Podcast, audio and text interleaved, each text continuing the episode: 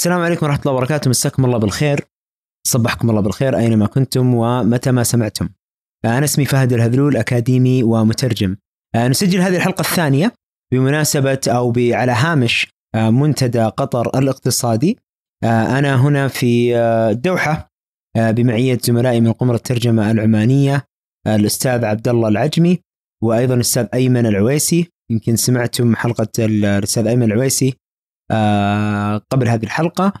وأيضا طبعا من قمر الترجمة السعودية الأخ عبد الرحمن الغامدي. على هامش هذا الملتقى قلنا لازم نكسب دام كسبنا شوفة الحبايب من عمان فقلنا لازم نجلس نتكلم معهم. ولكن ولكن أول شيء بقوله يعطيك العافية يا أخوي عبد الله بسبه إنه الحين الساعة 12 في الليل. وإحنا كنا طالعين من البيت من متى تقريبا الساعة 6 تقريبا. 6 الصباح. بالضبط. وما رجعنا للساعة 10 بالضبط. الله يعطينا الصحة والعافية. آمين. فكان فكان يعني يوم حافل. فأشكرك صراحة على إعطائي هذه الفرصة. آه إنه إحنا يعني إنك تجلس معنا وتسجل معنا. آه فإن شاء الله إن شاء الله يعني أخاف إن الاثنين ننام نهاية الحلقة. طيب أول حاجة يا مرحبا. يا حي الله فهد. يا مرحبا بك. كيف حالك؟ الحمد لله طيب الله يسلمك. كيف شفت المؤتمر؟ والله المؤتمر رهيب وممتاز وجميل ومتنوع. رائع. وكيف شفت طيب فريق الترجمة؟ أوه مبدعين ولا غلطة ما شاء الله ما كيف نظرتك عن الحين القمر الترجمة السعودية؟ والله متميزين أنا يعني هذه يعني يقولوا أن المدح في الوجه مذمة لكن هذه أعتقد أنها فرصة جيدة أن يعني للأمانة للأمانة كان مستوى طبعا أستاذ فهد الهذلول وأستاذ عبد الرحمن الغامدي كانوا ما شاء الله عليهم على قد المستوى وكان طبعا المنتدى هو أصلا منتدى من العيار الثقيل. يعني رؤساء دول ووزراء آه، خزانة وزراء خارجية وكانوا فعلا فعلا على قد المستوى. لا تنسى إيلون ماسك. بس لا كان مؤدب. ما ما تعبني صراحة. لا كان ممتاز كان رجال إيه. ممتاز. لأول مرة يقول ما عندي رأي. لاحظته؟ أيوه يمكن لأن مأدبينه شوية عنده يعني كان الساعة 3 الفجر عنده في الفجر كان ما هو أيوة. فاضيين. أيوه. كان بعده. ما كان عنده فعاليات ما شغال صح. طيب أول شيء معنا طبعا الأستاذ عبد الله العجمي آه، من عمان. آه، مترجم فوري آه، من الطراز الثقيل له من الخبرات له من الصولات والجولات. ولكن بما أنه عندنا مستمعين من المكربيه السعودية ومستمعين أيضا من عمان ودنا نتعرف بنفسك. كيف تحب تقدم نفسك؟ الأستاذ عبد الله العجمي بعد كذا. عبد الله العجمي من سلطنة عمان. طبعا أنا خريج المدارس العامة في السلطنة. وتخرجت من المدرسة في عام 2006 وبعد ذلك التحقت بجامعة السلطان قابوس لمدة خمس سنوات. وفي عام تقريبا يعني مع نهاية 2011 بداية 2012 التحقت بالوظيفة الحكومية ولا زلت على رأس عملي إلى اليوم طيب طبعا بس يعني للفارق الثقافات لما تقول خريج مدارس عمان آه، هل هذا يعني مسمى مثلا لنوع من أنواع الكليات أو شيء ولا؟ لا نحن معنا في السلطنة معنا يعني المدارس بالنسبة للتعليم العام مختلفة في معنى المدارس الخاصة وفي معنى أتوقع في ما يسمى بالمدارس العالمية أو ثنائية اللغة وفي معنى المدارس العامة اللي هي طبعا تكون يعني برعاية الدولة أو الحكومة وما يكون فيها أصلا رسوم.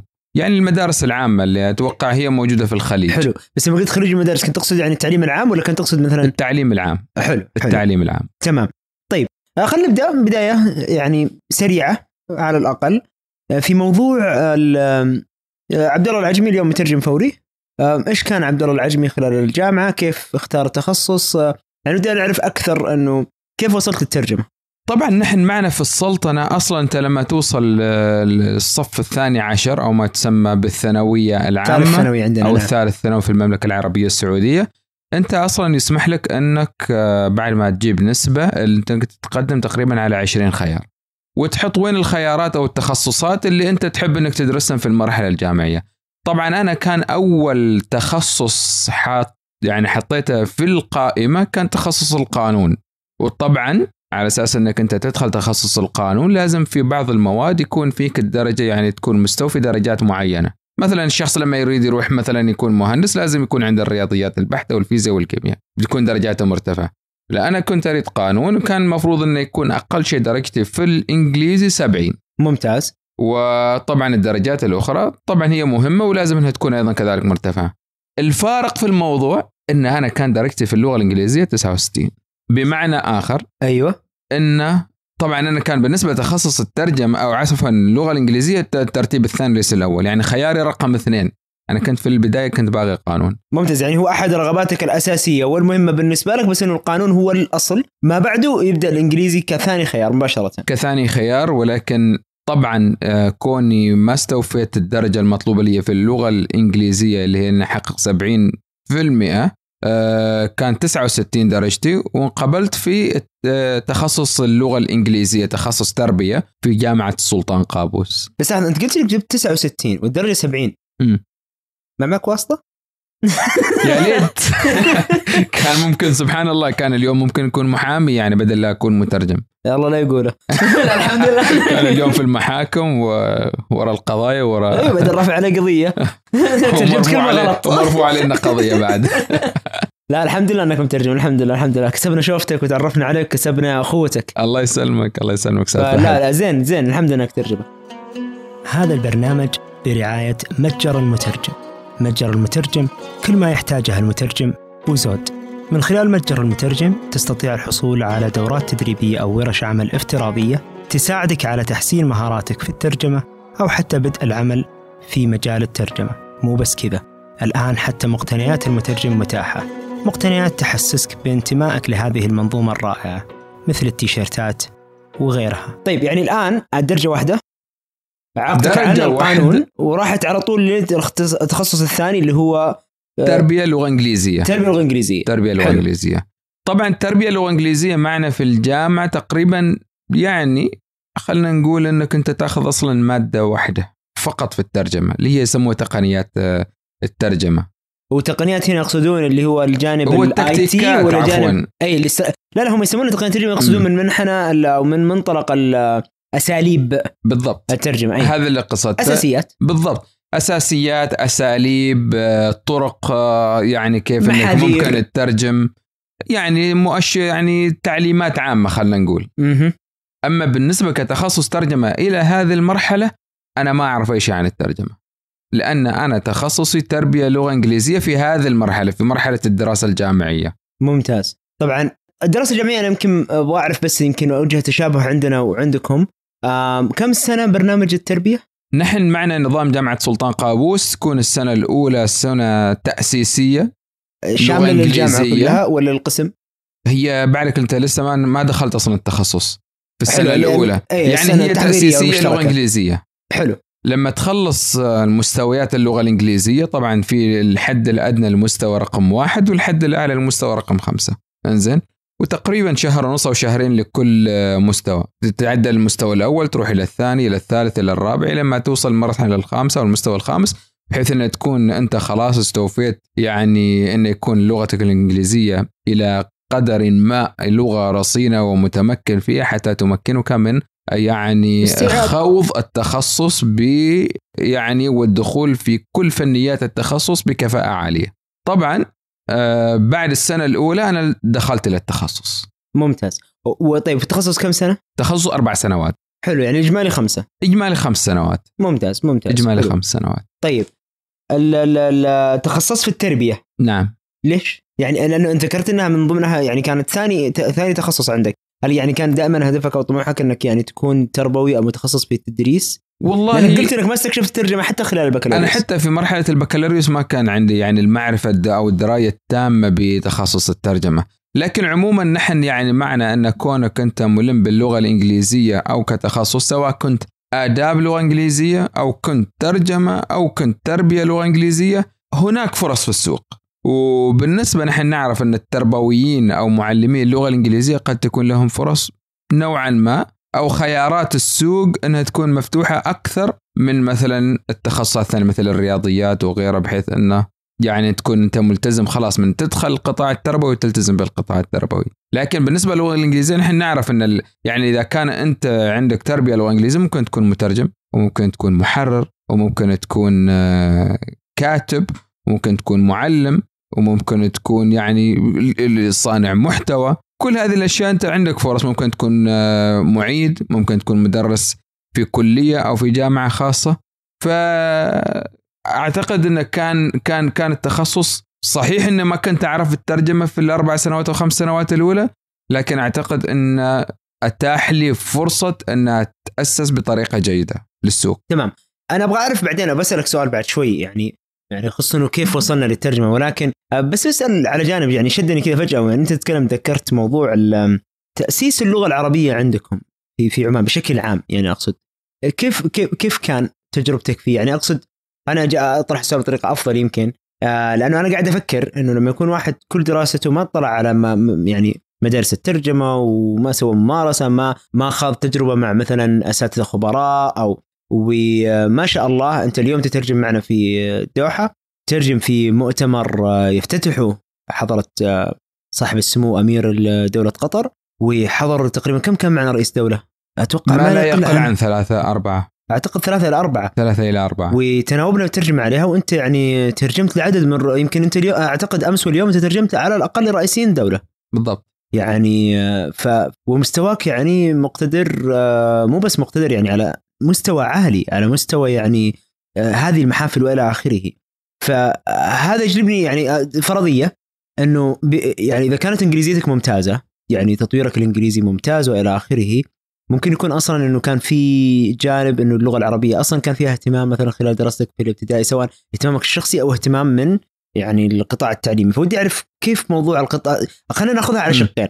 تجربتك أول شيء الدراسيه إنه البرامج الدراسية كيف اللغة العربية؟ درس في عمان. طبعا نحن معنا في جامعة سلطان قابوس آه، حتى في آه، مواد اختيارية وفي مواد إلزامية. طبعا لما الشخص مثلا يكون متخصص في اللغة الإنجليزية ما إن شرط أنت فقط بس تدرس مواد تربوية بحتة فقط لا. تدرس آه، مادة أو مادتين في يعني في الأمور الثقافة الإسلامية وأيضا تدرس في الحضارة والإسلام والثقافة العمانية وتدرس أيضا في اللغة العربية. طبعا بالنسبة للغة العربية أنا متذوق للغة العربية وأحب إني أقرأ يعني قصائد وأقرأ كذلك مقالات آه، تنشر و... وطبعا يكون هذه في مجلات أنا أعتقد بأنها مجلات آه، متميزة أو رصينة في اللغة العربية.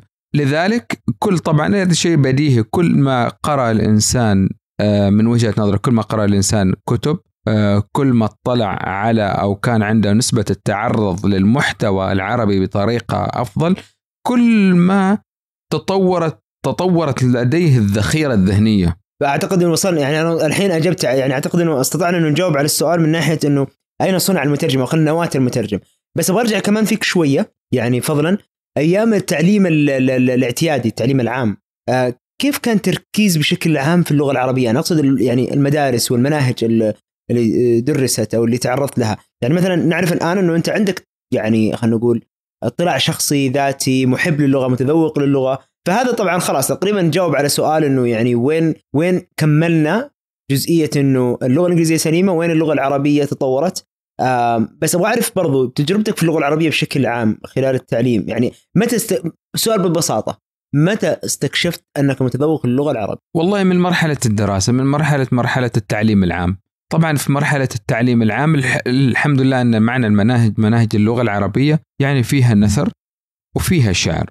و... وطبعا المقالات المختارة في كتب اللغة العربية معنا يعني أنا أعتقد أنها جيدة إلى حد ما أو يعني إلى نسبة نسبة كبيرة. طبعا هذه المادة العلمية الموجودة في المدارس هي ما ممكن أنك تعطيك كل حاجة. هذه فقط تعطيك آه، تعزز عندك انك انت تحب اللغة. بالضبط. بعدين انت المفروض تخلق الشرارة. بالضبط تخلق الشرارة. تخلق الشرارة وعليك الحريقة. وعليك الحريقة. نحن نحن نحن معنا نحن مثلا والدي آه، عنده مكتبة في البيت وطبعا فيها متنوعة هذه المكتبة.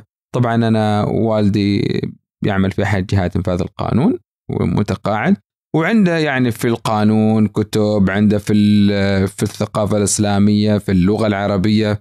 في تخصصات مختلفة وكل ما حصلت أنا فرصة في البيت خذيت كتاب وحاولت إني أقرأ فيه وأطلع وأشوف رحت خارج البيت حاولت إني آه، أحرص إني أقرأ كتب آه، أونلاين آه، طبعا كل هذه الأشياء تراكمية تتراكم عندك لا لا لا يعني بطريقة غير مباشرة أنت تتكون عندك ذخيرة وسليقة لغوية تساعدك في مرحلة الترجمة الفورية لاحقا.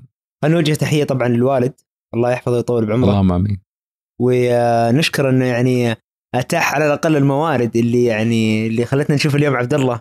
آه، واللي خلقت يعني الشغف في القراءة خلقت يعني المكتبات في المنزل ترى تعتبر من أهم العناصر اللي صحيح. يعني أنا أذكر آه، كنت أترجم في أعتقد البنك الدولي وكانت إحدى الورش تتحدث عن إنه كيف ممكن بأقل الجهود يعني يخلق آه، نواة لإنسان متعلم. فكانوا يقول لك يعني في أضعف الأحوال حتى العائلة الأمية وأعتقد كانوا مستندين على إحصائيات فيها يقول لك مجرد كون الكتاب موجود على رف ما في المنزل حتى وإن لم يقرأ فهو يخلق آه إلى حد ما ثقافه فنوجه تحية للوالد الله يحفظه ويطول بعمره. اللهم آمين. الله يسعدك. طيب خلينا نقول آه، حاولنا نستكشف إنه من وين يعني التكوين اللغوي العربي وصل أو من وين يعني كان موجود معاه آه وين تطور شغفه للغة العربية. وكونك درست اللغة الإنجليزية ولأن أصلا درس درجتك كانت جيدة تعتبر يعني نسبيا لدخول أصلا بكالوريوس بنسبة يعني 60 أو 70% وأنا قرأت عن جامعة السلطان آه، قابوس آه، إنها من الجامعات برضو اللي يعني ما هي ما هي ما هي سهلة في المعايير يعني من الجامعات طبعا أنا عندي ملاحظة أنا فقط تذكرت موضوع المادة فقط كاشاره إن درجة واحدة ممكن تنقلك من تخصص إلى تخصص. أما بالنسبة لمعدل العام طبعا كان معدل ممتاز. يعني فاهم فاهم عليك. أيوه. بس أنا أقصد انه أقصد إنه يعني دخولك الجامعة وإنه ال ال يعني إنه تكوينك اللغوي الانجليزي كان واضح إنه خلاص سليم ممتاز. منتهي الموضوع. يعني 69 من في في اللغة الإنجليزية وأنت ما بدأت تدرس كتخصص هذا بحد ذاته إنجاز. واكتشفنا من وين جت اللغة العربية أو نقول شغف اللغة العربية بدأ. من الصغر مكتبة الوالد نظام التعليم واستمر إنه أنت أصلا متذوق للغة وتحب القراءة وإلى آخره. نبغى نعرف طيب كيف وصلت الترجمة الفورية؟ كيف اليوم أنت مترجم فوري يعني ما هي قصة الترجمة الفورية معك؟ هل هو كان شغف هدف نعمة نقمة؟ طبعا أنا مثل ما خبرتك وخبرت الأخوة والأخوات المستمعين أخوي فهد أنا تخصصي كان لغة إنجليزية تربية و... وشاء القدر أني أنا أصلا تخرجت وتوظفت معلم لغة إنجليزية في وزارة التربية والتعليم معنا في السلطنة. بس كان لفتره وجيزة وطبعا ما وجدت نفسي كمعلم فقدمت على أكثر من منط... يعني أكثر من جهة على وظائف مختلفة. وشفت إن في هناك يعني وظيفة مع يعني معلن عنها وظيفة مترجم وتقدمت لها. طبعا هذه كانت في آه، مركز سلطان قابوس العالي للثقافه والعلوم. جزء من ديوان البلاد السلطان وجه تحية للمسؤولين. جزاهم الله خير وللمؤسسة بشكل عام. طبعا من هنا آه، قبلت كمترجم وهنا بدأ يعني اطلاعي العملي على آه، قطاع الترجمة سواء كانت الترجمة التحريرية أو الترجمة الفورية. حدثنا عن أول تجربة في الترجمة الفورية. أنت بدا اطلاعك هنا على الترجمة. آه عفوا خلينا قبل نقول الترجمة الفورية. أول اطلاع لك الترجمة كانت تحريرية ولا فورية؟ ولا يعني نبغى نعرف أول اطلاع بعدين أعطينا الترجمة الفورية. طبعا أنا أول شيء بديت في الترجمة التحريرية. لفترة من يعني تقريبا كذا شهر بديت في الترجمة التحريرية. وبعدين لأن أنا أصلا عندي عادة أعتقد إنها عادة جيدة ولا زلت محتفظ بها إلى اليوم وإن شاء الله أتمنى ان إن يعني تظل معي للأيام القادمة. أنا أحب أحفظ كلمات. وعندي نظام إن حتى في البيت أحب أتابع الأخبار. وإذا تابعت أتابع باللغة الإنجليزية. فتستفزني جدا الكلمات اللي هي جديدة لي. فأروح أبحث عنها وأحاول إن أشكل عندي قاموس. فيوميا أحفظ ثلاث أربع كلمات. فتعرف آه، فهد والمستمعين إن الترجمة الفورية أصلا تعتمد على الذخيرة اللغوية أكثر من اعتمادك أنت لأن أصلا أنت ما عندك مجال إنك تروح تبحث في قاموس. آه، أثناء الترجمة. فبعد ما بديت في الترجمة التحريرية لمدة كذا شهر قلت لا والله أنا أصلا يعني عندي الذخيرة يعني نوعا ما عندي عندي مخزون جيد لا بأس به من الكلمات ومن التشكيل اللغوي والجمل وغيره والسليقة. آه، فليش ما أجرب الترجمة الفورية؟ فجربت طبعا الترجمة الفورية في البداية كمترجم مساعد. إيش يعني؟ يعني في مت... يعني إحنا نعرف إن في غرفة الترجمة وفي قمرة الترجمة يوجد مترجمين في العادة هذا للفعاليات. الآن نحن طبعا نحن نعرف إن ال... بعد لما يكون الإنسان عنده تشكيل وخبرة وكذا ممكن يكون طبعا العنصرين يكونوا متكافئين. يعني يكون المترجمين الاثنين كل واحد آه، يكون تقريبا يعني متساويين في المستوى. لكن أنا لما بديت كان المترجم اللي يدربني كان هو طبعا كفاءة عالية لأنه بحكم الخبرة والسنوات وكنت أنا مبتدئ. فمثلا لو بدينا كان في فعاليات تستمر لمدة خمس ساعات أنا كنت أبدأ بساعة أخذ ساعة من الخمس وأبدأ أترجم فوري. وبعدين طبعا بدأت بالمواضيع اللي هي كانت نوعا ما آه، يعني قريبة من الاستخدام اليومي للغة اللي هي مواضيع التربية والثقافة و... إلى أن الآن طبعا نترجم في مواضيع فنية. مواضيع تخصصية مواضيع طبية. لكن البداية كانت كمترجم مساعد إلى ما بعدين شفت أن عندي الاستطاعة أنه والله ممكن أن أنطلق كمترجم فوري آه، مستقل. متى رأيت أنه عندك الاستطاعة؟ طبعا في البداية كنت أخذ ساعة أن أترجم فوري من أصل خمس ساعات. بس بعد فترة من الفترات قمت أخذ ساعتين ثلاث ساعات آه، طبعا بالتقاسم مع المترجم الآخر. طبعا هذا عزز عندي ثقة. أحيانا يكون معنا فعاليات لمدة ساعة ونص فناخذ الساعة ونص كاملة. آه، طبعا دائما الإنسان عليه إنه يعرف أصلا وين وين مكانه. يعني المفروض صحيح إنه جيد إنك تستمع لملاحظات الآخرين لكن ما تأخذها دائما على محمل آه، أكثر من اللازم على أكثر مما ينبغي. أنت تعرف نفسك إذا كان أدائك جيد أو غير جيد. ممكن إنك تسجل صوتك وبعدين تستمع له مرة ثانية. وتشوف نفسك إذا كان مستواك زين أو أو لا. طبعا أنا كنت أسجل نفسي وأسمع وأحاول إني أطور من نفسي. طبعا بعد تقريبا سنة من التدريب على الترجمة الفورية شفت نفسي لا أنا خلاص عندي القدرة وعندي الاستطاعة ومستطيع أستطيع إني أترجم.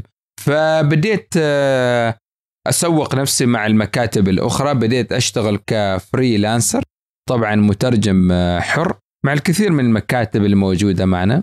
سواء كان أخوة عمانيين أو أخوة عرب. وجزاهم الله خير أعطونا فرصة ودربونا وعلمونا. والآن تقريبا آه، أقدر أترجم بما طبعا الحمد لله جزاك الله خير أستاذ فهد أعطيتنا هذه الفرصة الآن نجي للدوحة. أنا ما أعطيت فرصة أنا وصلتني الفرصة. كونت الفريق لا أكثر ولا أقل أنا أسعى أنا كائن صغير جدا بس أسعى في الدنيا هذه. تواضع ونطلب السلام نقول يا رب بس يا رب. تواضع سلم تواضع. سلم. تواضع منك. فهذا بدينا شوية شوية واليوم نترجم في الدوحة. ودي أقول مرحبا بك في الدوحة وكذا بس عرفت لو في السعودية بكثر منها بس هنا مرحبا بنا كلنا هنا في الدوحة كلنا غرباء هنا. ولو إنه بين أهلنا. طيب ال ال ال الآن يعني آه، أنت ذكرت نقطة مهمة أنت قلت أعرف مكانك. آه وذكرت إنه أنت بالنسبة لك كان يعني مثلا لك إنك أنت تسمع ترجماتك تحللها وتنصف نفسك. وين ممكن يكون البالانس أو التوازن بين إنه أنا أفرق بين النقد البناء لنفسي الذاتي وبين جلد الذات. لأنه كثير من ال ال ال الإنسان بشكل عام يعني كثير من الأحيان يقسو على نفسه في يعني في تقييم نفسه. لما يجي يقيم نفسه يقسو أكثر من اللازم. أنا لما ترجمت في في في في في مبادرة الشرق الأوسط الأخضر آه، كنت لعدد من الأيام ما أنا غير راضي. ورفضت حتى أني يعني أتكلم عن الحدث والى آخره. ولكن يعني صراحة حفزوني بعض الزملاء وأنه لا بالعكس كان اداك رائع. شوف هنا شوف الالتقاطه هذه شوف كذا وكذا. فلما رجعت سمعتها مرة ثانية بعد ثلاث أربع أيام بعد مرور البنت وإلى آخره وجدت إنه لا فعلا يا أخي في التقاطات جيدة وإلى آخره. أكيد في نقاط كثير تحتاج للعمل.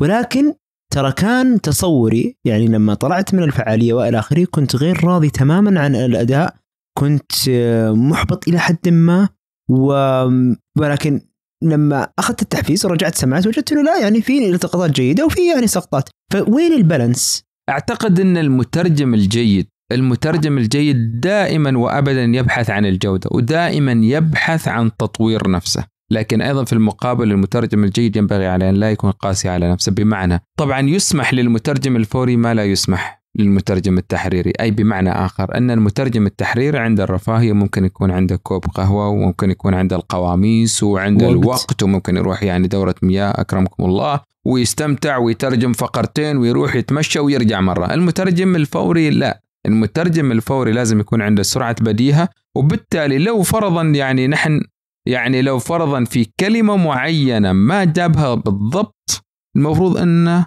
ما يركز على هذا الموضوع كثير بقدر ما يركز على الجوانب الجوهرية. بمعنى آخر أنه هو يقيم نفسه أن أنا والله لما كنت أترجم ما توقفت فترة طويلة. يعني الناس يعني المتحدث الرئيسي يتكلم وأنا واقف. لا هذا أنا أعتقد أنه المفروض أنه يعني ما يفوتها على نفسه ويحاول أنه يوجد لها حل. حلو. أما أن مثلا والله نحن نعرف مثلا على سبيل المثال كلمة court، court ممكن تكون محكمة و court ممكن تكون ملعب و court ممكن تكون ساحة، أنت تعرف أن لما تبدأ بالترجمة الفورية في موضوع معين أحيانا الكلمة الأولى تكون غير واضحة لدى المترجم. ما لم يكن يعني طبعا يدخل المترجم الفوري في جو الحديث وجو السياق ويبدأ يفهم السياق وبعدين تجي الكلمة بالضبط الكلمة الصحيحة أو المرادف أو المكافئ لها.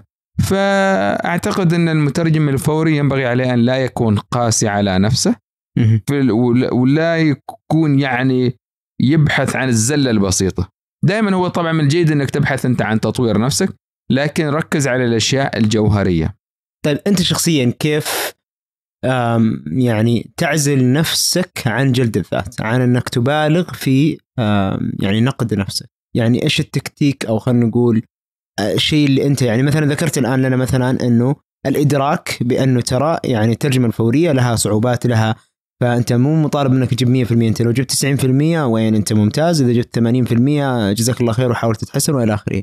فأنت يعني هل في شيء ممكن تنصحنا فيه غير إنه يعني واحد الإدراك؟ غير كذا يعني إيش ممكن الواحد يسوي عشان يبعد عن هذه ال- القسوة؟ على أساس إن الشخص ما يقسو على نفسه الشخص المفروض عليه إنه you need to do your home يعني ما ممكن إن تجي أنت إلى فعالية وعندك الموضوع على أقل تقدير مثلا موضوع مثلا عن الثقافة والرياضة موضوع معين. وأنت عارف المتحدثين من؟ و... وجاي أنت لا محضر ولا قاري في الموضوع ولا حتى أقل تقدير اطلعت على الجهات اللي بتكون مشاركة أو حتى عن المتحدثين. طبعا أنا أعتقد أن هذا يعني هذا تقصير من المترجم. المفروض المترجم يجي جاهز ومستعد. زي ما يبغى. يعني يعني يجي محضر. ولو غلط يقول أقل تقدير إن أنا على الأقل أنا حضرت واجتهدت وعملت اللي علي. ولو سهيت في كلمة أو كلمتين فهذا معذور. حتى أحيانا لما لكن حتى أيضا أنا أعتقد أن طبعا كل مترجم فوري يطمح ان تكون مع المادة العلمية. لكن أن أنت ما مرسول لك المادة العلمية قبل ما تدخل فعالية هذا مش سبب أنك أنت ما تجي محضر. بالضبط. تحضر وتجي مثل ما حصل معنا مستعد. في المؤتمر. أيوه تجي مستعد وتبذل تبذل قصار جهدك. وتجي ويكون عندك قاموسك الخاص وتكون جاهز. يعني باختصار شديد نقدر وفي هذه نقول الحالة أنت ما راح تكون قاسي على نفسك لأن أصلا تكون في موضع يعني باريحيه تقول أنا سويت اللي علي مهم. وأديت اللي قدرت عليه.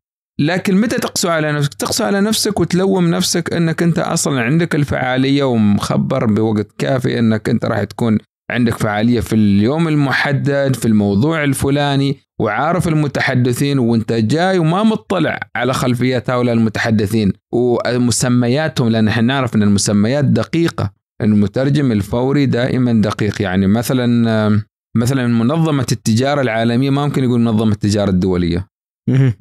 هذا مسمى رسمي يعني هذا. مسمى رسمي المفروض أقل تق... وهذا طبعا المفروض المترجم الفوري يكون أقل تقدير إنه اطلع لأن هذه كلها بيانات موجودة حتى على أبسط في الهاتف وفي التليفون ممكن تدخل على جوجل وتعرف هذه يا المسميات رجال أتوقع لو سأل Siri في الجوال لو قال Siri tell me. about tell me about المؤتمر الفلاني؟ يمكن قاعد تصير الموضوع كامل. بالضبط. فممكن يقسو على نفسه في بعض المواضع لكن مش كل المواضع.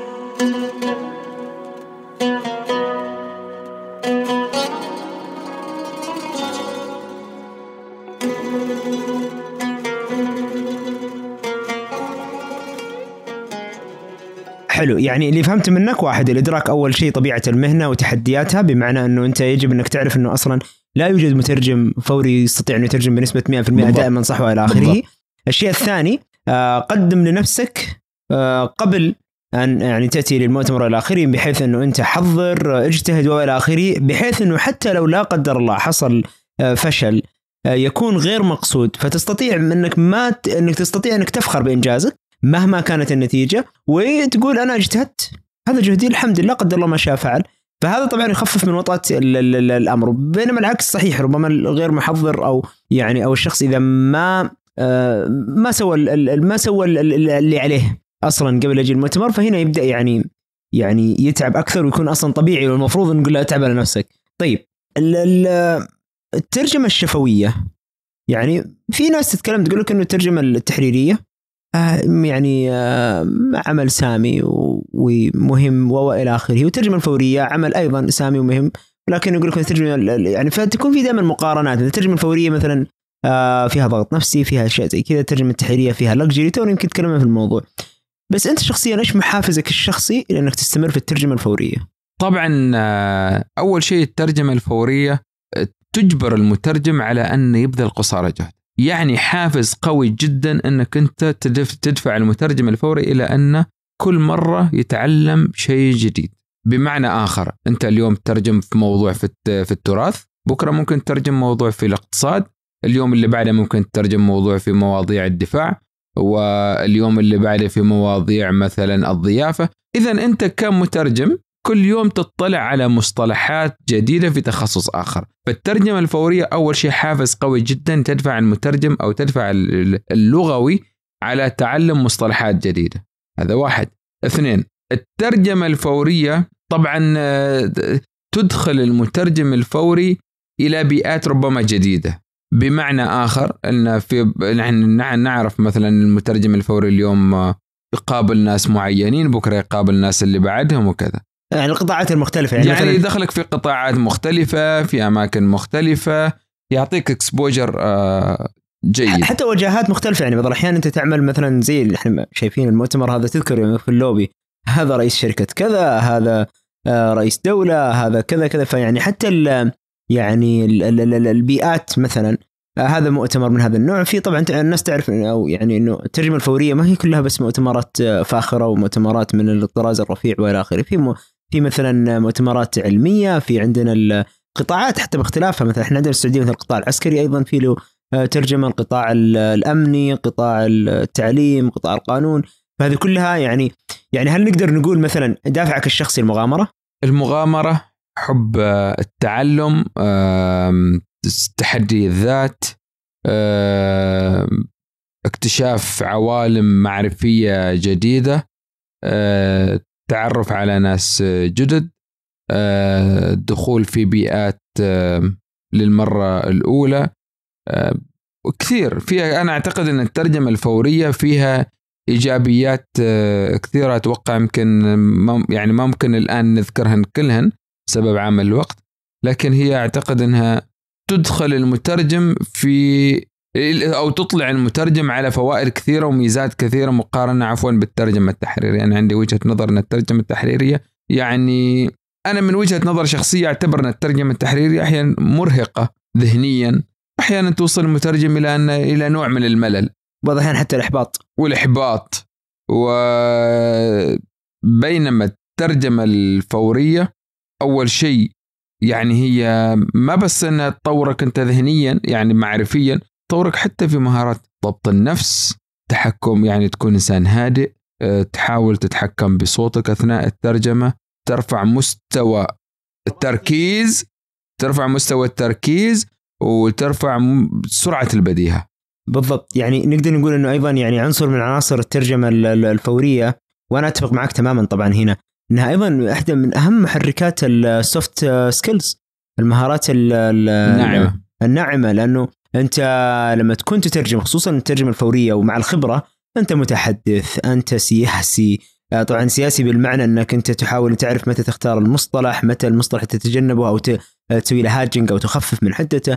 آه، أنت تطور عندك رباطة الجأش والصبر على المواقف التعامل مع التوتر. فيعني يا أعتقد إنه بال- فعلاً- بالإضافة إلى أن أيضا فهد أن الترجمة الفورية تعلم أو يعني تجعل من المترجم الفوري شخص حذر بمعنى آخر يعني المترجم الفوري دائما حذر في انتقاء المصطلحات. لأن أنت عندما يعني تترجم لرئيس دولة أو رئيس وزراء أو لرئيس تنفيذي لشركة كبيرة أه تخاف المترجم المترجم الجيد أعتقد أنه يخاف أن يقول المتحدث ما لا يقول. بالضبط. وبالتالي يكون حذر في انتقاء الكلمات ولأن أحيانا ربما كلمة واحدة تشعل مواضيع كثيرة. نحن مثلا هذا نحن منتدى قطر الاقتصادي يتكلم عن التضخم آه، طبعا هي هذه قضية عالمية ما مرتبطة بس بالشرق الأوسط. وتكلم فيها كثير من الوزراء ورؤساء الدول ورؤساء الوزراء. فلو قلنا والله إن أحد من الوزراء يعني ذكر الموضوع ب بطريقة مختلفة ربما قد يكون هذا في اليوم الآخر الكثير من الجرائد والكثير أخذوا الكلام من المترجم. آه، بالفعل بالفعل. يعني أنا أتفق معاك. يمكن شفنا في المؤتمر يعني يمكن تجربتنا الواقعية أنه كان آه، أيضا مثال آخر اللي هو حرب آه، أوكرانيا أوكرانيا وروسيا. روسيا. أي يعني انه كان في اتفاق بشكل عام على فكرة أنه يعني أنه أنه الحرب مثلا الحرب مؤثرة عالميا وأثرت دا ولكن تجد أنه مثلا كان رئيس جورجيا إذا ما خاب ظني كنت ترجم له فكان يقول إنه بسبب وضعنا إنه إحنا أصلا محتلين من من روسيا في عام 2000 واذا ما خاب ظني قال 14 تقريبا. فكان يقول إنه لأنه إحنا محتلين كذا فإحنا مثلا ما نقدر نسوي sanctions أنا ما أقدر الآن مثلا أقول أجرم الحرب علانيه فكان فتخيل مثلا المترجم ما يقدر يسوي template ما يقدر يسوي كذا قالب إنه خلاص هذا الرأي اليوم عن روسيا. أيوه. ورؤساء دول مثل ما أنت تفضلت يعني وحتى مثلا فخامة رئيس آه، كازاخستان سئل إن أنت ليش آه، يعني لديكم اصطفاف مع روسيا؟ قال هو ليس اصطفاف مع روسيا على حساب أوكرانيا وليس يعني ما في شيء. هذه يعني الواقع والمصالح تفرض عليه الطريقة اللي هو الآن يتعامل فيها مع مثلا مع روسيا. بينما الجانب الآخر مثلا وزير الخزانة الأمريكي أو مثلا الأوروبيين لديهم وجهة نظر مختلفة أن لا لكن الجميع عموما يعني كان دبلوماسي وحاول أن ينظر إلى الموضوع من منظور يعني أن لازم نحن يكون لدينا توافق ويكون طاوره الحوار وان أنا معاك معاك بس انه عوده لمنظور المترجم. أيوه. منظور المترجم كان يعني كنا يعني أعتقد إنه أنا شخصيا يعني كنت دائما أنبه نفسي يعني إنه ركز هو إيش قاعد يقول. صحيح بالضبط لا بالضبط. تنسى ثانية واحدة لأنه بالضبط. ممكن تعطي افتراض لأن كل واحد عنده وجهة نظر مختلفة. بالضبط يعني انها قضية واحدة بس إحنا أيوه. كم شفنا؟ يمكن خمسة أو ستة يعني أشخاص تحدثوا عن القضية ويمكن أكثر. بس إنه يمكن كل شخص حرفيا له رأي مختلف. وما تعرف هو من الأول الحين هو معهم ولا صحيح. مع عليهم ولا. وعلى هذا الأساس نرجع لموضوع أن المترجم الفوري لابد انه يكون مركز ومتابع للمتحدث. طيب عبد الله العجمي يعمل في سوق الترجمة العمانية كمترجم آه، حر أو مستقل freelancer. السؤال إنه متى بدأت تجربتك في, في يعني واذا تقدر توصف لنا إياها متى بدأت ترجم آه، تجربتك في الترجمة الفورية ك freelancer ك آه، وهل أنت تصنف نفسك من المترجمين المحترفين بمعنى أنك أنت مواظب على الترجمة وتقبل اعمال والى آخره أو أنك تصنف نفسك من الأشخاص اللي عندهم القدرة ويعني إذا جت الفرص حصلت حصلت. طبعا أنا في البداية كنت أحاول أن أسوق نفسي كمترجم حر مع الآخرين وبديت أن أكسب مشروع مشروعين وأشتغل مع الكثير من الم... من مع الكثير من الجهات. اي بس أه، متى بس هذا بدأ في 2011 إيه؟ حلو. بنهاية 2011 بداية 2012 بديت أشتغل كفريلانسر وبعدين لما شفت نفسي والله نجحت مثلا نجح يعني نسبيا في نجاح نوعا ما في المؤتمر الأول والثاني. ونجاح آه، استمرارية. يعني في استمرارية. هذا أعطاني دافع انه لا والله استمر. وحاول تنوع في يعني المؤتمرات ورش تدريبية والحلقات آه، العمل وغيرها. فبدينا ندخل عليها بعدين لا والله ليش أنا حاكر نفسي في تخصص مثلا الثقافه والتربية؟ ليش ما أقبل مثلا مشاريع في تناقش مثلا موضوع الاقتصاد. مثلا والله مشاريع مرتبطة بالتنمية القطاع المصرفي. وطبعا كل ما كل طبعا بعد بعد ذلك صار كل الأعمال تزيد اللي تجي من المكاتب الترجمية الأخرى. وتقريبا إلى اليوم الواحد يقدر يعني أقدر أقول إنه مثلا 65 مؤتمر أو إلى 70 طبعا أنا أنا ما أحاول قدر المستطاع اني ما ارفض الاعمال اللي تجيني من اللي اطلب فيها كمترجم فوري لكن اعمل يعني عموما توازن وأنا اعتقد إنه جيد إن الواحد يوازن ما بين الحياة الاجتماعية وما بين أيضا العمل آه، الترجمي. أعتقد يعني إنه من 2011 إلى اليوم 65 إلى 70 آه، فعالية رقم جيد بالنسبة لفريلانسر من ناحية إنه ما هو كثيف ما هو رقم كثيف مرة يعني ما هو من ما هو رقم كمثلا كيف أقول لك من اللي هو متفرغ تماما للترجمة الفورية. صحيح. وفي نفس الوقت ما هو رقم قليل يعني إنك تقول والله شخص يعني يعني ما يعمل إلا مثلا على مستوى محدد أو مثلا يعني فترات يعني جدا محدودة. يعني رقم متوازن فعلا.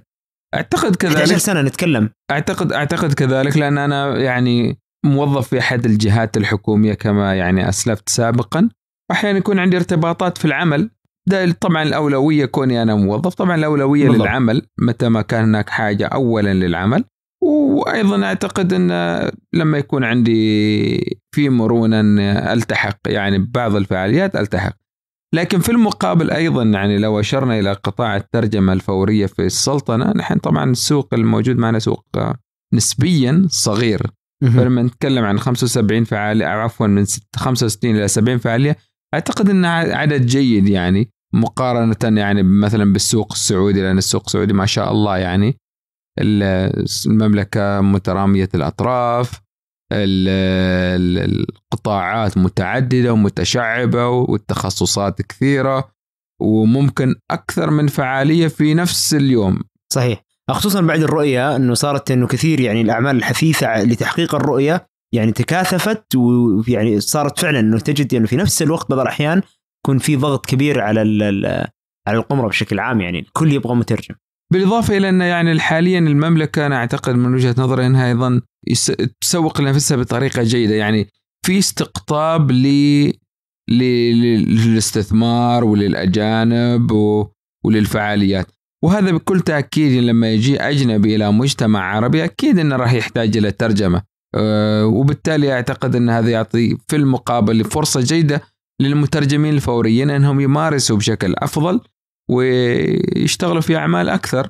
طيب أبغى أنتقل بشكل كذا يعني من السوق العماني مباشرة للأسواق الأخرى، هل سبق وعملت في أسواق غير السوق العماني بشكل مباشر؟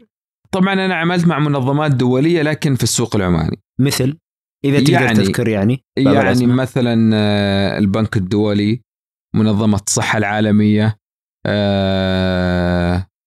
مكتب الأمم المتحدة لمكافحة الجريمة والمخدرات آه، الإنتربول منظمات كثيرة أعتقد إنها منظمات هي بكل تأكيد هي منظمات دولية وهي منظمات تابعة للأمم المتحدة لكن طبعا هذه الفعاليات كانت تقام في السلطنة فكنت يعني أترجم في السلطنة. طيب كيف دور بيئة العمل؟ كيف ممكن يخدمك كمترجم أو آه، يعني كيف تأثيره عليك كمترجم؟ طبعا اولا أنا في بيئة العمل أود ان يعني من هذه المنصة أقدم آه، كلمة شكر إلى جميع المسؤولين معنا في المؤسسة لأنهم فعلا هم ممكنين وداعمين جيدين لي كمترجم. وأنا طبعا كما قلت سابقا أنا حاليا أعمل في مركز سلطان قابوس العالي للثقافة والعلوم كرئيس قسم للتحليل والترجمة وأنا في نهاية المطاف وإن كنت يعني ما آه، في بعض الأحيان لا ألتحق بفعاليات خارج المؤسسة فأنا في المقابل أمارس نفس المهنة أو يعني نفس التخصص في وظيفتي يعني لأن وظيفتي أنا مترجم فأمارس وأعتقد أنها تمكنني معرفيا وأيضا من حيث الممارسة. ممتاز، طيب ما هو دور آه، يعني داخل بيئة العمل نسلط الضوء أكثر على كيف كانت البيئة من ناحية من تتعامل معهم سواء رئيس أو مرؤوس. آه، هل كان لها أثر إيجابي؟ ما لها أثر في آه، آه، عملك كمترجم أو أو خلينا نقول تطورك كمترجم؟ كيف تقرأ يعني المشهد من ناحية كبيئة عمل؟ كيف ممكن تصنع مترجم أو لا قدر الله؟ يعني خلينا نقول تقتل مترجم. بيئة العمل ما لم تكن يعني مدركة لأهمية التخصص فإنها لن تكون داعمة. طبعا أنا اللهم لك الحمد يعني المسؤولين اللي موجودين معنا في المؤسسة هم يعرفوا أهمية الترجمة وهم ناس يعني في في المقام الأول هم تربويين. فهذا يجعل أن المترجم يكون إلى مكانته الخاصة في المؤسسة ويعطوه فرص أن أحيانا الفعاليات اللي تقام في المؤسسة يعطوا الأولوية للمترجم الفوري الموجود في المؤسسة نفسها هو اللي يترجم. بدل لا يتم اللجوء إلى الم... يعني إلى أشخاص من خارج المؤسسة. وأعتقد أن هذا ممكن جيد. آه، بالإضافة إلى أن طبعا آه، هم آه، داعمين بحيث انه يوفروا للمترجم داخل المؤسسة بعض الدورات التدريبية اللي أيضا يعني تقوي الجانب الترجمي لدى الموظف. وطبعا هذا في المقابل سوف يخدم المؤسسة بطريقة أو بأخرى لأن كل ما يعني حصل المترجم على تدريب أكثر كل ما كان يعني جودته يعني تتطور شيء فشيء. طيب والدك الله يحفظه كان له أثر يعني آه، إيجابي كثير في في طفولتك أو في حتى يعني أعتقد يعني خلينا نقول من حيث الترجمة على الأقل في طفولتك تعرض اللغة العربية وجود المكتبة في المنزل كيف أثر الأسرة اليوم آه، عليك كمترجم فوري؟ علما بأن المترجم الفوري يعني يمكن كثير التنقل كثير العمل آه، طبيعة المهنة مرهقة إلى حد ما. كيف تشوف دور البيت دور العائلة دور يعني البيت تحديدا؟ من هذه المنصة والله يعني شكرا فهد. أنا أوجه كلمة شكر إلى زوجتي وإلى بنتي. على أيضا لأنهم أيضا هم أيضا يضحوا بأوقات كثيرة. يعني أنا زوجتي آه، تشتغل في وزارة التربية والتعليم كأمينة مكتبة. والحين نحن معنا تعرف فترة إجازة. يعني الكثير يقضوا الآن أوقاتهم أوقات إجازتهم مع الأولاد ومع الأسرة. ويكون يعني يعني يحطوا العمل على جانب. لكن هم يضحوا صراحة بوقتهم وأنا اليوم موجود في قطر راجع عندي فعالية أخرى والأسبوع القادم عندي فعالية غيرها. فهم ممكن أيضا ممكن آخر أن الشخص داعم نفسي. يعني داعم نفسي وأنك لا والله يجيك عمل اقبل مارس حاول تطور من نفسك. يعني انت أنت, متس... أنت يعني. متسلح بزوجتك الله يحفظها ويطول بعمرها وبنتك. الله يصلحها إن شاء الله ويبارك فيها. ذخيرة يعني صراحة. آه وإن شاء الله الله يجعلك ذخر لهم ان شاء الله ويحفظك لهم. اللهم آمين وإياك. طيب آه أنا أقول لك أنا قبل فترة آه كان كنت ملتقي آه مترجمة قديرة والله. وكانت آه كنا نتحدث عن الفرق. هي مترجمة تحريرية بحتة وأنا مترجم يعني شفوي بحت تتابعي أو فوري. ولكني ما يعني خلينا نقول ما أقترب من الترجمة التحريرية كثيرا. فكانت تقول إنه الترجمة الفورية ممتعة. فأنا لا اراديا قلت لا ما هي ممتعة. لا ما هي ممتعة. يعني مغامرة نعم. ولكن ما أصنفها ممتعة لأنه خلال المؤتمر نفسه يعني يعلم الله من الضغوطات اللي نمر فيها من التعقيدات من أمور كثيرة. فبعرف من وجهة نظرك الشخصية هل الترجمة الفورية تراها ممتعة ولا غير ممتعة ولكنها مغامرة ولا نه نيوترال. والله الترجمة الفورية ما ممتعة لما تأدي العمل ولحظة تأدية العمل هي ما ممتعة لأنها هي يعني تعتبر كتحدي تخليك تحت ضغط نفسي. لا والله أحيانا بعد يجيك متحدث سريع يجيك متحدث لك أنت غير واضحة تصير مشكلة فنية. فهي في في اللحظة التي تترجم فيها هي لحظة غير ممتعة. إنما فقط عندما ينتهي تنتهي الفعالية أو ينتهي دور المترجم وما أن يخرج خارج قمرة الترجمة يشعر بارتياح وبراحة نفسية وأن أدى اللي عليه وخلاص اللي في البوث في البوث اللي خارج البوث خارج البوث What happens in, in the booth stays in the booth. Stays in the booth. طيب يحضرك مثلا موقف غريب حصل معك في الترجمة أو موقف خلينا نقول أو بيئة ترجمه كانت غريبة عليك أو شيء زي كذا؟ يعني نبغى كذا أشياء إيش من قل من قلب الميدان من جوا المعمعة. والله الترجمة بشكل عام الترجمة الشفهية الترجمة سواء كانت فورية أو تتابعية كما يعني مثل ما قلت سابقا هي تدخلك إلى بيئات جديدة. يعني ما كنت أتخيل يوم من الأيام إني أروح أترجم آه، وسط صحراء وسط الجبال لمدة أسبوع كامل وتشتغل تحت الشمس. يعني ودرجات حرارة مرتفعة ونحن ما شاء الله اللهم صل سيدنا محمد. يعني في دول مجلس التعاون الخليجي معنا درجات الحرارة يعني فترة الصيف حدث ولا حرج. بالضبط. فكنت يعني يعني كنا أيضا نفس الشيء. أيضا الترجمة بشكل عام أيضا الترجمة الشفهية خلتنا نركب الطائرات وإن نسافر و وندخل إلى أماكن جيدة إيه. وندخل أماكن رئاسات وزراء ونحضر مع مسؤولين كبار لهم كل التقدير والإحترام.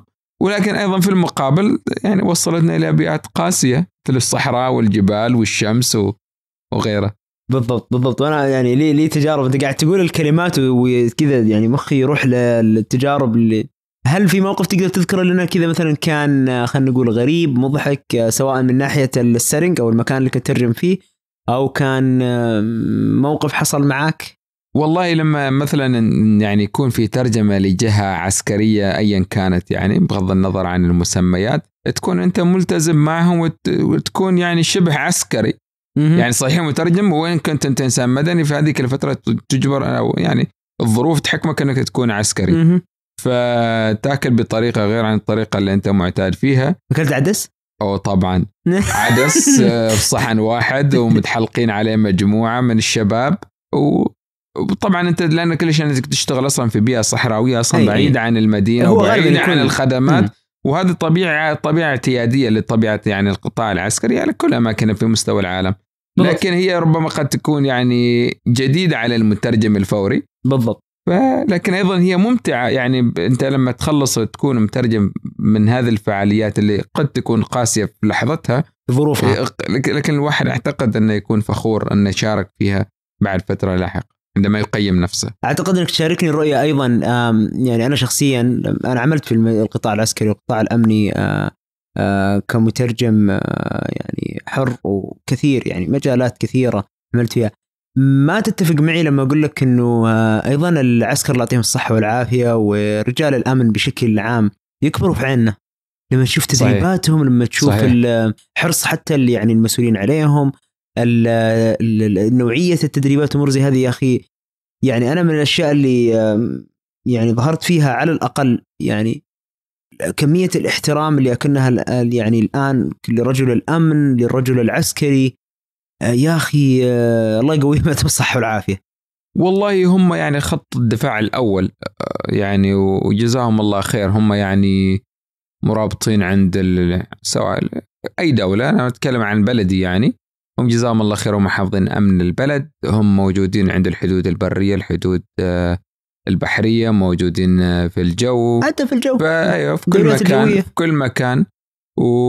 واعتقد انه وإن كنا يعني بغض النظر نحن وين كنا رحنا معهم يعني نترجم فترة من الفترات يظل يعني هم اللي يقدموا شيء أكبر من اللي نحن نقدمه. يعني أو شخصيا أنا اللي أقدمه كمترجم فوري ربما أنا صح أروح لمدة أسبوع اترجم فوري عندهم بس هم قد تكون هذه هي بيئة عملهم الدائمة. بالضبط, آه بالضبط. أو طبيعة عملهم مستمرة في هذه البيئات القاسية. فجزاهم الله خير والله يعطيهم الصحة والعافية وهم ذخر للوطن والله يقويهم. بالتالي يمكن نكسبها فرصة نوجه يعني تحية خاصة لكل رجال الأمن من آه القطاعات الأمنية والعسكرية في الخليج العربي. آه هم يعني درعنا. آه هم من يعني. هم من تسهر يعني عيونهم وإحنا يعني إحنا كوننا مترجمين محظوظين إنه إحنا نشوف مثلا نحضر معهم نشوف بيئاتهم بعض الأحيان واحيانا حتى الواحد يتساءل يعني إيش اللي يعني مصبرهم وإلى آخره ما أعتقد في شيء أكثر من إن يعني ميدان شرف هو طبعا آه، صحيح. فالله يقويهم ونوجه لهم تحية خاصة حبهم وحبهم لقادتهم مؤسساتهم فالله يعطيهم الصحة والعافية آمين يا رب آمين طيب كيف حاب تختم الحلقة؟ إيش رأيك نوزع أهداء؟ ودك تهدي الحلقة لأحد؟ يجي يخطر في بالك أحد يعني ودك تهدي له الحلقة؟ والله إذا أهدي هذه الحلقة أهديها يعني لوالدي لوالدي ووالدتي وزوجتي وبنتي ولجميع الناس اللي هم لهم فضل علينا يعني سواء كان في المؤسسة اللي أنا أشتغل فيها أو سواء كان الدكاترة اللي يعني بعد فضل الله سبحانه وتعالى الفضل لهم اكاديميا يعني اهلونا ومكنونا وأعطونا المعرفة ووجهونا و... وأسسونا صح يعني أعتقد إنهم أسسونا صح. واليوم نحن الحمد لله رب العالمين نترجم نترجم فضل توجيهاتهم. فشكر لهم شكر كبير جدا والله يعطيهم الصحة والعافية. إذا تهدي الحلقة يعني تقريبا لكل من مر بحياتك وأشعل. بالضبط بالضبط. وأشعل شمعة. كان معانا الأستاذ عبد الله سعيد العجمي آه، مترجم آه، من قمرة الترجمة العمانية. آه، تشرفت شخصيا بالعمل معك. استمتعت صراحة بالعمل معك في هذا المؤتمر. تسلم جزاك الله خير. ومشكور على الفرصة يعني مرة أخرى. أنا أحب أني أقول في هذه الحلقة أن نحن اليوم موجودين في الدوحة أول شيء فضل الله سبحانه وتعالى ثم فضل الأستاذ فهد. لأن يعني طبعا هذا الإنسان وفر لنا كل سبل الراحة اللي نحتاجها فعلا كمترجمين فوريين من إقامة ونقل وغيره. و... واعتقد إن في السي في الآن في شيء نفتخر به إنك ترجمت في منتدى قطر الاقتصادي فالفضل الله سبحانه وتعالى وبعد بعد ذلك الاستاذ فهد انه أعطانا هذه الفرصة الكبيرة. أنا أيضا أكرر رفضي لكلمة فضل فالفضل لله عز وجل اولا ثم لجهدكم يعني لولا الله يسلمك لولا ما كان يعني في ال ال ال يعني تواضعا منك الله يرفع قدرك. خلينا نجنب الموضوع نرجع للختام إيش رأيك؟ طيب آه أنا أنا فعلا يعني أنا أنا التقيت برجل عائلة، التقيت برجل علم، أنا التقيت بمترجم، الأستاذ عبد الله سعيد العجمي هو فلك من أفلاك الترجمة آه العمانية، تشرفت بالعمل معه. آه يعني الفترة اللي قضيناها صحيح إنها قصيرة هي ثلاثة أيام ولكن أعتقد فيها من المغامرات صحيح. ما يجب أن يستر عليه. آه يعني يمكن ما أعتقد أحد يقدر يتصور فكرة إنه إحنا نطلع من البيت خمسة ونص الصباح ونرجع الساعة 10 و11 في الليل. ثاني يوم يعني لسه إحنا ما ما وصلنا ما ما سوينا شيء ونرجع مرة ثانية من الساعة 5 الفجر. ولكن آه والحين نسجل هذه الحلقة الساعة الحلقة الحين. مسجلين الساعة 1 فجر. فإذا نكتشف أن المترجم كائن خارق ونتفق على أن كلنا آه نعاني. شكرا لك. شكرا لحضورك. شكرا أستاذ فهد. الله يحفظك. شكرا ونكون بإذن الله متواصلين معك ومع المستمعين ذكورا واناثا بإذن الله. دائما على خير والله يعطيكم الصحة والعافية. الله يعطيك ألف صحة وعافية. آه كنتم معنا آه مستمعينا آه في حلقة خاصة على هامش منتدى قطر للاستثمار. كان في ضيافتي الأستاذ عبد الله العجمي مترجم فوري. تشرفت بالعمل معه. مضينا على الأقل ثلاثة أيام يعلم بها الله. فنتمنى انه قدمنا لكم آه، حلقة آه، لا تعبر عن وضعنا ال ال شو اسمه النوم. نحتاج ننام ورانا رحلات حتى الحين. موفق أخي عبد الله في كل مشكور أستاذ فهد. آه، الإيفنتات القادمة إن شاء الله تعالى. نشكركم على استماعكم لهذه الحلقة. نتمنى أن كانت الحلقة عند حسن الظن آه ونتمنى أن نسمع منكم. تابعونا على حساباتنا في التواصل الاجتماعي سواء على تويتر أو حتى على آه منصات البودكاست المختلفة. لا تنسوا بأننا بالرغم من أن هذه حلقة مسجلة إلا أننا نتطلع وبشدة إلى الاستماع لآرائكم. آه غردوا معنا في هاشتاج آه، فلك في الترجمة أو إذاعة المترجم. اعملوا لنا mention تواصلوا معنا دعونا نعرف رأيكم وخلونا نقدم لكم آه، محتوى آه، سواء كان مرئي أو مسموع يرتقي لذائقتكم. دمتم بكل خير.